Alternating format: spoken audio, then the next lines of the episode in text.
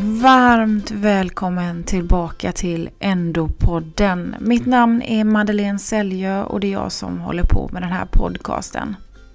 Jag är så glad att du har kommit tillbaka och lyssnar på det här avsnittet nummer 6 som är i ordningen.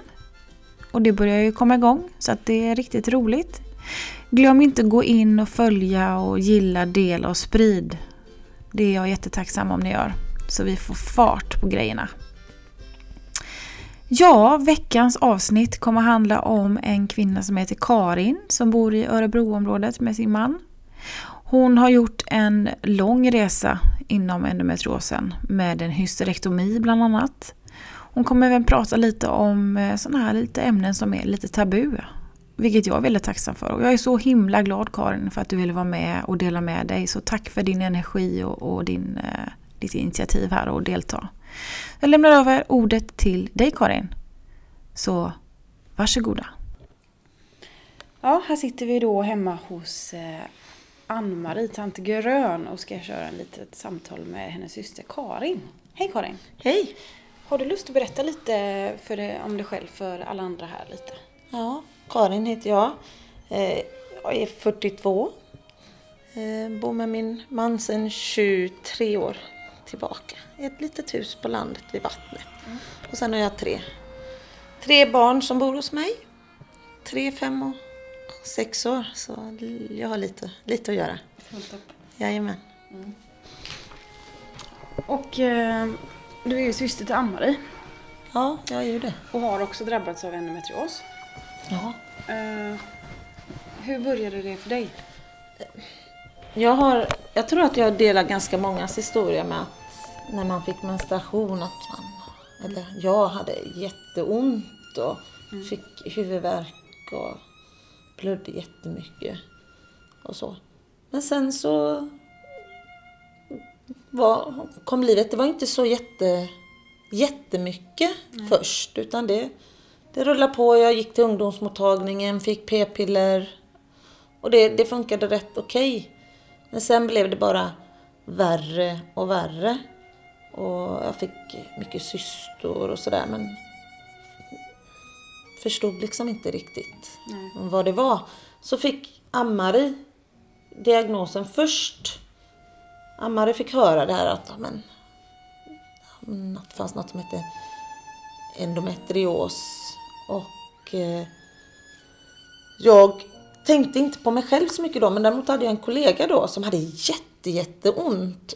Så jag sa det att alltså, du borde gå till, till läkaren med det här. Mm. Och när jag följde med henne till läkaren eh, och, och, hon började ställa frågor liksom att ja men har du ont vid menstruation? Alltså behöver du äta mediciner? Hur är det när du ska ha sex? Och mm. sådär. Jag kunde liksom pricka av varenda mm. grej. Så här, bara, mm. Men det är ju det är ju jag. Mm. Då fattade jag och då kom jag till Margita, eh, fick jag träffa. Och så sa hon att egentligen behövs det inte göras någon titthålsoperation för att fastställa att du har diagnosen. För det, det förstod ju hon. Eh, bara nästan genom att försöka göra en gynekologisk undersökning. Det var ju som, det var ju, aj aj, mm. det gick ju knappt. Mm. Men så gjorde de ett titthål och då hittade de ju på äggstockar och sådär. Att det fanns lite allt möjligt. Hur gammal var du då? Det här var, måste varit 2004. 2004 var det tror jag. Eh, måste det varit. 2004, 2005 någonstans där som, som, som jag fick, eller som jag var med henne Eh, som jag var med Lotta då. 2000, 2004, 2005 fick jag nog höra av det då. Jag tror jag säger, säger lite fel i, i ordningen. Det var nog så att, att Lotta fick det först. Och sen så Ann-Marie och sen jag. Så mm. tror jag att, att det var. När man tänker efter. Det är lite svårt att minnas sådär i, i efterhand i årtal. Mm. Men för jag gjorde operationen, eh, titthålsoperationen, sen ganska snart efter där För då hade jag jättemycket och jag kunde knappt gå. Det blev verkligen så här att jag visste inte vad jag skulle ta vägen, alltså dygnet runt. Alltså, och de pratade om hormoner och grejer. Och, men så kom de fram till att det enda som skulle hjälpa mig, det var en hysterektomi. Det var liksom det, det som fanns. Och, Som valmöjlighet. Eller valmöjlighet, det är klart att allt annat fanns också. Men eh, jag har ju inte haft önskan om egna biologiska barn. Och därav så var det ju lättare för mig att ta det steget att, att välja att, att göra en hysterektomi då. Så det gjorde jag 2010 gjorde jag den här uppe i Örebro. Och det var en jätteprocedur för att den som skulle göra det här, han, han är fertilitetsexpert. Så han var ju inte alls nöjd med mitt, Nej. med mitt, med mitt val. Nej, katten. Med mitt val. Utan det var ju så här, åh nej men ska du verkligen göra detta? Och jättemycket. Så han la sig i väldigt mycket som han egentligen inte hade med att göra. Han var rädd att du skulle ta, i och med att han var IVF-läkare tänker jag, så tänker Ja. han du ska fortfarande kunna ha möjligheten att få barn eller ändra dig om du vill ha barn. Eftersom tänker att jag var så pass ung Precis. ändå. Ja, jag var var ju... inte gammal. Nej, Nej. 2010, då, jag är född 77 så att jag hade ju Mm. haft verkligen möjligheten. Men jag hade ju tänkt på det här jättemycket. Mm. Sen ligger det ju i också att eftersom att vi har en mamma som, som dog i äggstocks och livmodercancer och en mormor i samma. Mm. Så var ju det min rädsla också. Så att det var väl också en anledning till att, att jag tog det steget för att kunna s- slippa riskera, eller slippa men förhoppningsvis slippa den delen då. Ehm, så när jag vaknade upp där, eller det gjorde jag inte först, utan först åkte jag ner. Ända ner. Jag låg där och skulle bli sövd. Nu ska det äntligen hända innan jul. Var det här. Och så kommer det ett akut och de kör upp mig igen. Jäklar vad jag grät. Det var helt galet. Men då fick jag göra det dagen efter i alla fall. Och vaknade upp och tänkte så här att nu kommer allting vara, vara bra. Nu, nu är det ordning. För jag hade ju tittoperationer innan och städat och sådär men det hade ju inte hjälpt. Nej. Det hjälpte lite för stunden. Men sen så började det ju igen. Så när jag väl hade gjort den här då tänkte jag alltså mm, väldigt naivt att nu kommer det ju vara borta för alltid. Nu är det ju nu är det färdigt liksom. Och så var det nog ett tag. Det var ju mycket annat som kom. Jag fattade ju inte varför jag svettades, mådde så jävla konstigt. Nej. Tills han ringde den här läkaren. Han ringde och frågade, ja, men hur mår du? Jag sa, nej jag mår inte bra, jag måste ha jätteont. Han bara, vad? Varför har du, vadå? Ja du vet jag svettas så fruktansvärt mycket. Och, han, bara- och då började han skratta och jag blev lite så här förnärmad. Jag bara, "Va? skrattar han åt? Det här är ju inget roligt. Nej, nej. Han bara, fast du, sa han. Du är ju i klimakteriet. Ja. Samma dag som vi tog bort det här så hamnar du i klimakteriet. Bara, ja det är klart. När han sa det var det ju självklart. Men jag hade inte tänkt den tanken ens. Nej. Jag skulle ju bara bli fri från endometriosen. Det var ju liksom min... Så jag hade nog inte riktigt lyssnat på allt det där Nej, andra. precis, utan precis. jag var ju så fokuserad på att nu jäklar. Ja. Nu, nu blir jag frisk liksom. Mm. Ja, nu ska jag ta lite gör det. och här kommer katten också. Hon mjauar lite i bakgrunden ibland. Rosa, du vill också vara med här. Jag är nyfiken.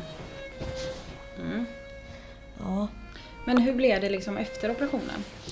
Mm, efter operationen så upplevde jag mig må väldigt bra. Jag började träna massor igen och jag, jag körde på i 200, lite så som jag alltid är. Först så kör jag och så kraschar jag och så kör jag och så kraschar jag. Alltså det, det är så, så jag funkar.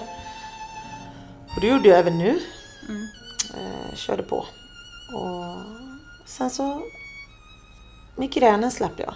Men det, det var en väldigt befrielse för jag har haft jätte, jättemycket migrän. Och den var liksom... Den var borta. Men sen började det där. Fick ont i äggstockarna. Jag har ju inga äggstockar. Nej, men du fick ont där och då. Ja. Ja. Eh, Jag blir så här, men de har inte gjort något. Nej. Det var min känsla. De har ju hittat på Mm. det här. Jätteont i äggstockarna och jätteont i ländryggen och, och sådär. Och kände att, "Vad- är det här? Mm. Nu, nu.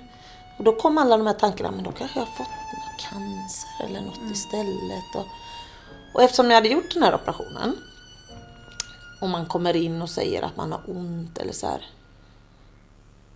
Så möts man av att, ja fast det kan du inte ha. Nej, precis. För du har ju inte endometrios längre. Nej. Nej. Och då är det ju tur att man har människor runt omkring sig som är som säger, fast det har du. Det försvinner inte. Nej. Har du tur blir det toppenbra. För några blir det jättebra. Men för det stora flertalet så är det rester som alltid kommer finnas där. Så efter 2010 så ett par år där var det nog helt, liksom, upplevde jag, helt, helt okej. Men sen började det här smygandes på som jag inte fattade vad det var. Och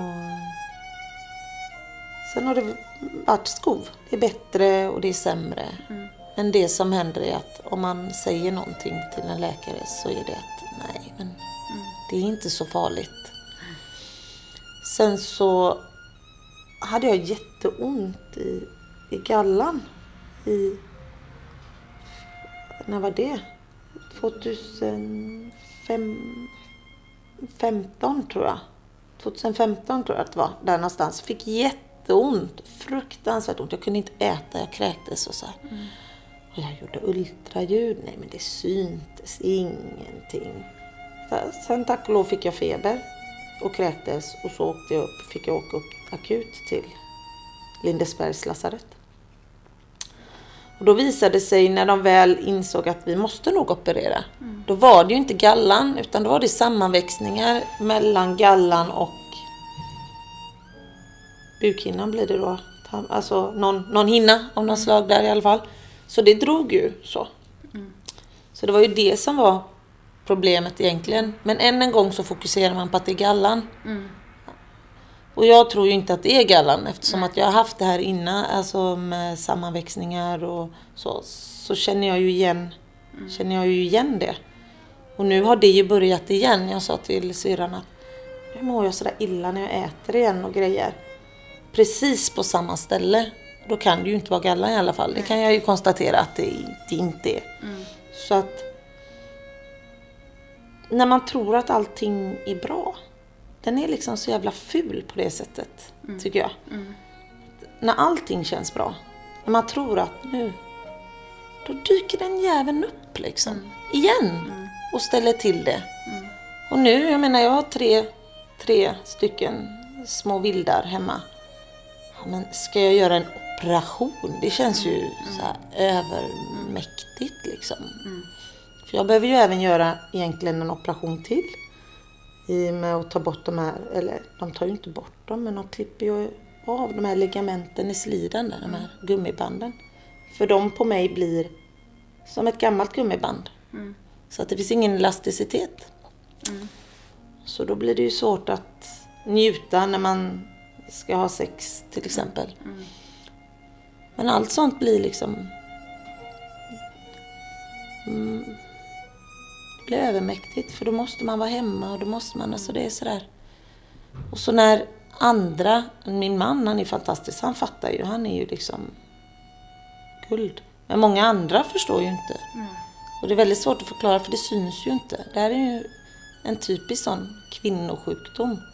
Som inte syns och som inte får kosta pengar. Och man, så det har ju hänt, som du säger, i dina första där, att det har hänt jättemycket bra. Det får man inte glömma. Men jämfört med hur man önskar att det skulle bli, eller vara, så har det inte hänt så jävla mycket egentligen. Nej. Och när man hör vissa historier eller man läser liksom om någon så att, som du, åtta år från att man får en, funderar till att man får en diagnos. Hade det varit en man, det hade inte tagit några åtta år. Nej. Aldrig i havet att det hade tagit åtta år. Det är så bortprioriterat. Ja, Är det. Men vad är, idag, liksom, hur, hur är det med smärtorna idag? Får du ta någon medicin eller liksom, hur funkar det? Smärtlindring och sånt? jag, jag har ju brutit ryggen. Mm. Så att jag tar ju medicin även för det och det blir lite samma. Det jag tar idag det är Brufen Retard, alltså de här lite långtidsverkande. Så är det Alvedon och så är det Diclofenac. Mm. Liksom. Och det är det jag, det är det jag, det jag tar och det är det jag får. Om jag skulle alltså Mm. åka in och säga att du har ont.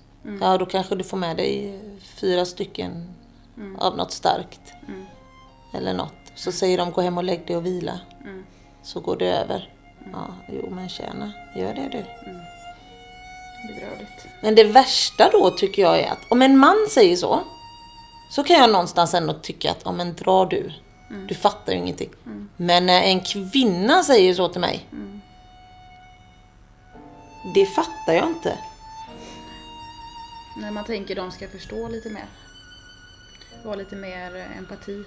Förstående. Ja, man- ja, man tänker ju att någon gång borde du ha haft lite ont. Och om du har haft lite ont så kanske du kan tänka dig in i Mm. vad skalan kan vara. Men nej. Sen finns det så sagt var de som Margita man har träffat som istället är jätte, jättebra. Och som lyssnar och tar till sig. De är viktiga de, eh, de läkarna och den personalen. Ja. Ja, det är ju de som gör att, att du orkar. Att du orkar. Att du vågar åka in igen. För att man hoppas att man kan träffa någon. Nu har inte jag åkt in jättemycket så fram och tillbaka. Så jag, jag har nog varit... Alltså, det ska väldigt mycket till. De gångerna man har åkt in, det var som jag hade en, en jättestor cysta. Och jag får höra att, äh, fast du vet, de där gör inte ont. Gå- Alltså mamma, hej. Och någonstans tror man ju på dem. Det är ju det värsta. Att man, man är så... Man, blir, man är ledsen och man är så liten i, de, i de sammanhangen.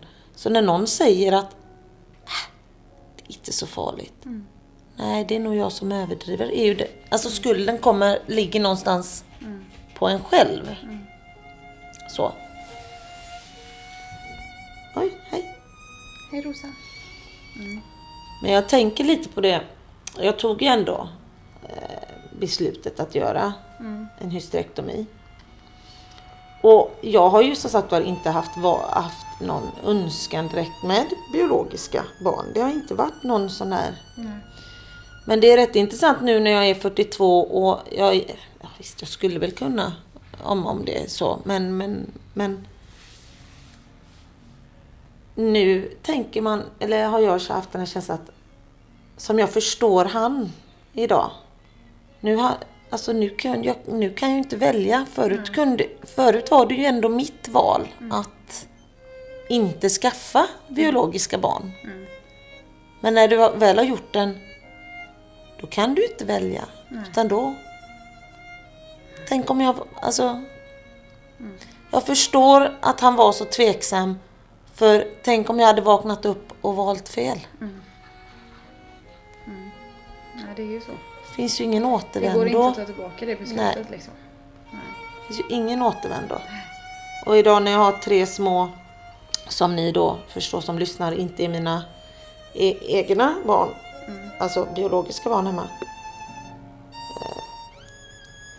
Då har nog känslan ibland kommit att tänk om.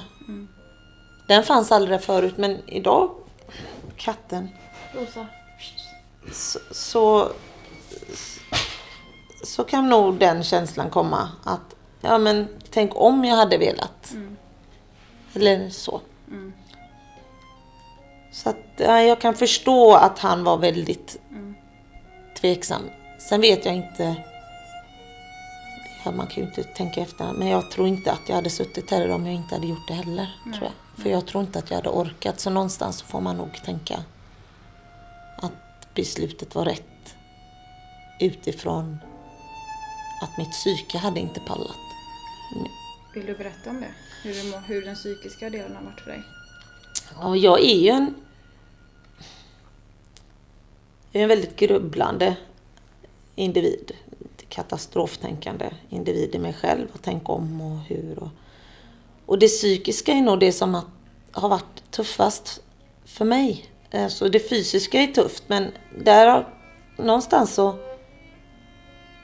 kan jag stänga av det. Alltså fan, ja, ja, nu ska man inte svära. Eh, jag har ju brutit min rygg och jag har det här och jag har lärt mig att ja men det gör ont. Alltså det är tufft, det gör ont. Eh, men sen har man fått brottas med det psykiska. He, alltså att ah, man kan inte gå till jobbet, man orkar inte, man, man orkar inte träffa folk. Man känner så här, nej. Pierre säger, åh, Kalle och Niklas kommer hem sen. Och man bara känner, nej, Nej. det gör de inte. För jag orkar inte det. Jag orkar inte sätta på mig masken att jag mår bra psykiskt och jag är fit for fight. Alltså den masken, den tar man på när man måste. När man ska gå ut och vara en vanlig kvinna. Liksom. Sen man kommer hem så vill man inte behöva den. Så jag har varit ledsen, jag har haft depressioner. Eh, och jag, jag kopplar det ganska mycket till smärtan. Och eh, även om jag kan stänga av den fysiskt då, så psykiskt kan man ju inte stänga av smärtan. Nej. Den, den, den finns där. Och allt dåliga samvetet eh, med allt man inte orkar och allt man borde göra och, och så. Så rent psykiskt så har jag, har jag varit deprimerad i, i omgång, omgångar. Som, ja men det, så det är ju kopplat till att man, att man har mycket ont såklart.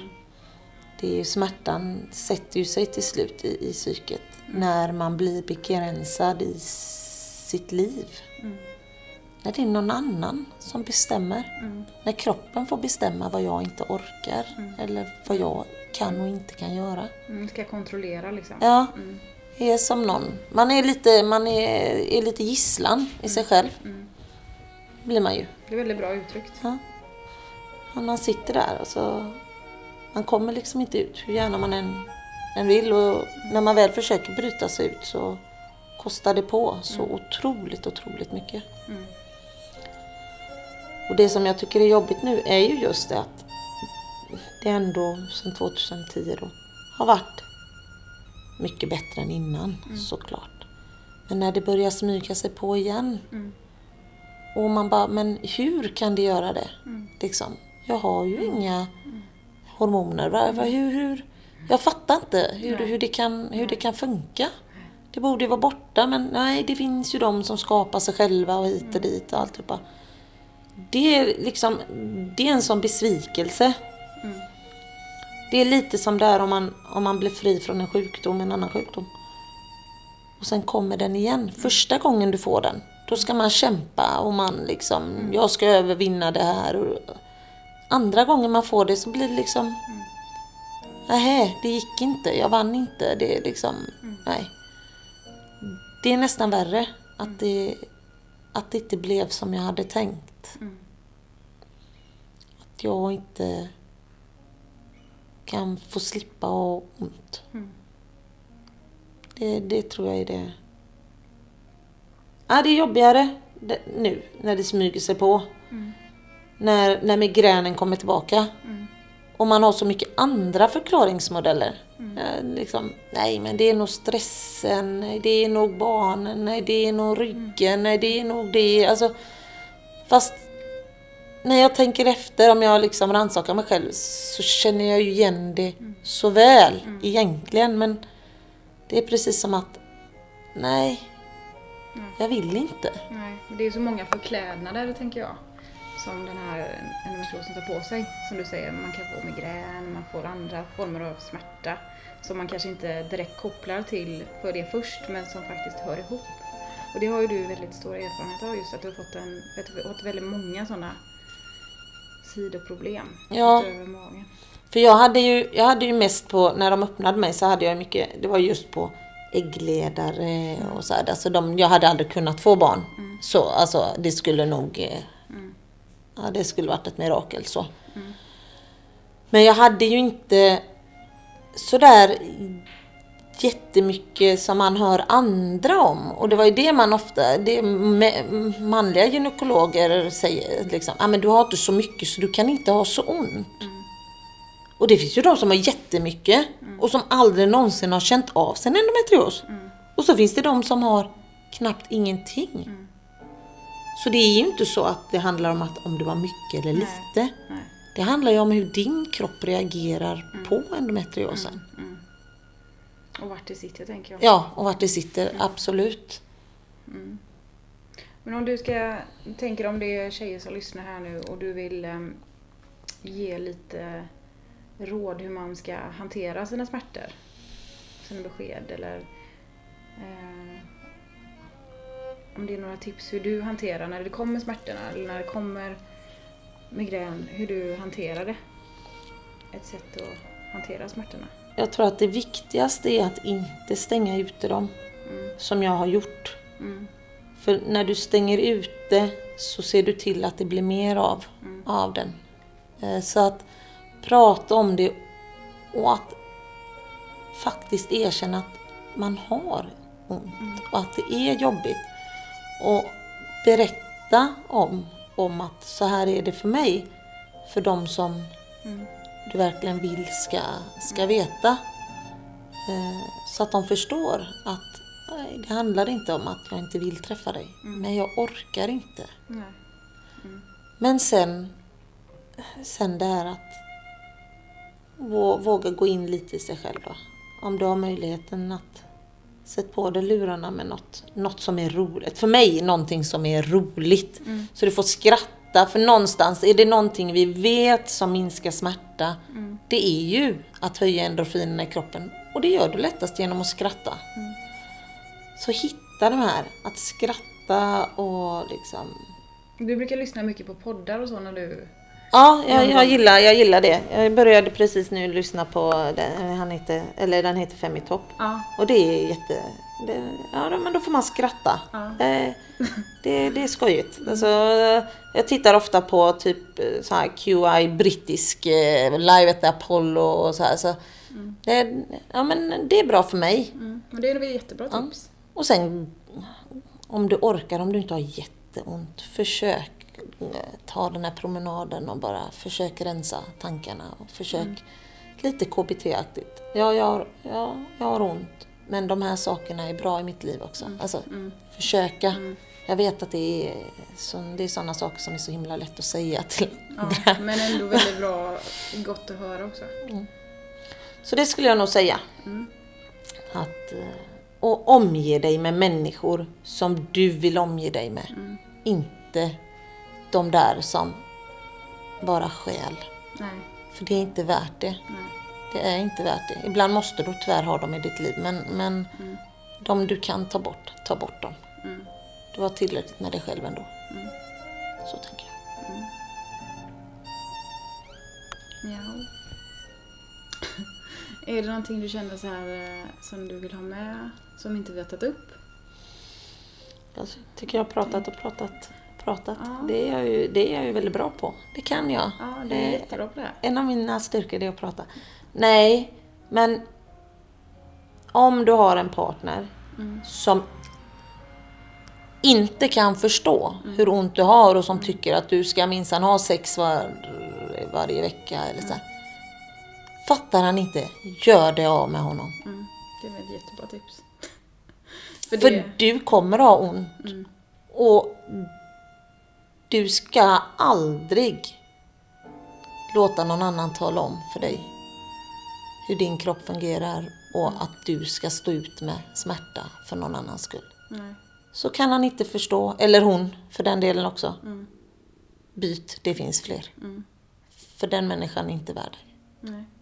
Så det vill jag nog säga. Mm, det var en väldigt bra poäng. För det är också mycket tabu det här med det är ju inte så många som pratar om det. Just det här med sexet. Alltså att man får... eh, Eh, att det faktiskt är en problematik i det här. Det är ju också väldigt nerhyschat på grund av att eh, ja, det är ett känsligt ämne. Men jag tänker det är, ju, det är nog väldigt många som har det problemet. Att, man, att det kostar för mycket. Ja, Ska du ha det och njuta en stund då kostar det dig några dagar. Liksom smärtmässigt eller att du inte kanske kan jobba, att du inte kanske kan fungera i tre dagar sen. jag fick den frågan av min man ganska nyligen. Mm. Då frågade han mig så här. Men när vi har sex, är det värt det för dig? Mm. Är det värt det för dig? För om det inte är det, Mm. då är det inte värt det för mig heller. Och det är så det ska vara. Mm. Han kan klara sig utan, Mm. om det är så Mm. att det gör för ont för mig. Det, det är så det ska vara. Det ska inte vara på bekostnad av någon annan. Nej. Aldrig någonsin. Nej. Det är bra. Det är riktigt bra. Tack så jättemycket Karin Ja, tack själv. för att du ställer upp och, och delar med dig av detta. Tack Jag är själv. jättetacksam. Ja, varsågod. Hej så länge! Hej då. Hej, det är Madde här igen. Ja, jag vill säga tack så jättemycket till dig Karin för att du var med den här veckan och ville berätta om ditt liv med endometrios. Och för att du tog upp de här delarna som är väldigt känsliga, som är lite tabu kring sex och sånt. En väldigt viktig fråga som ändå behöver lyftas upp, så det är jag glad att den kom upp idag. Jag vill tacka dig igen för att du ville delta och lämna ut ditt liv och din historia. Är det så att du där hemma känner så här, åh den här podden gillar jag och den är bra och jag lyssnar på den och jag, jag, jag tycker den är check.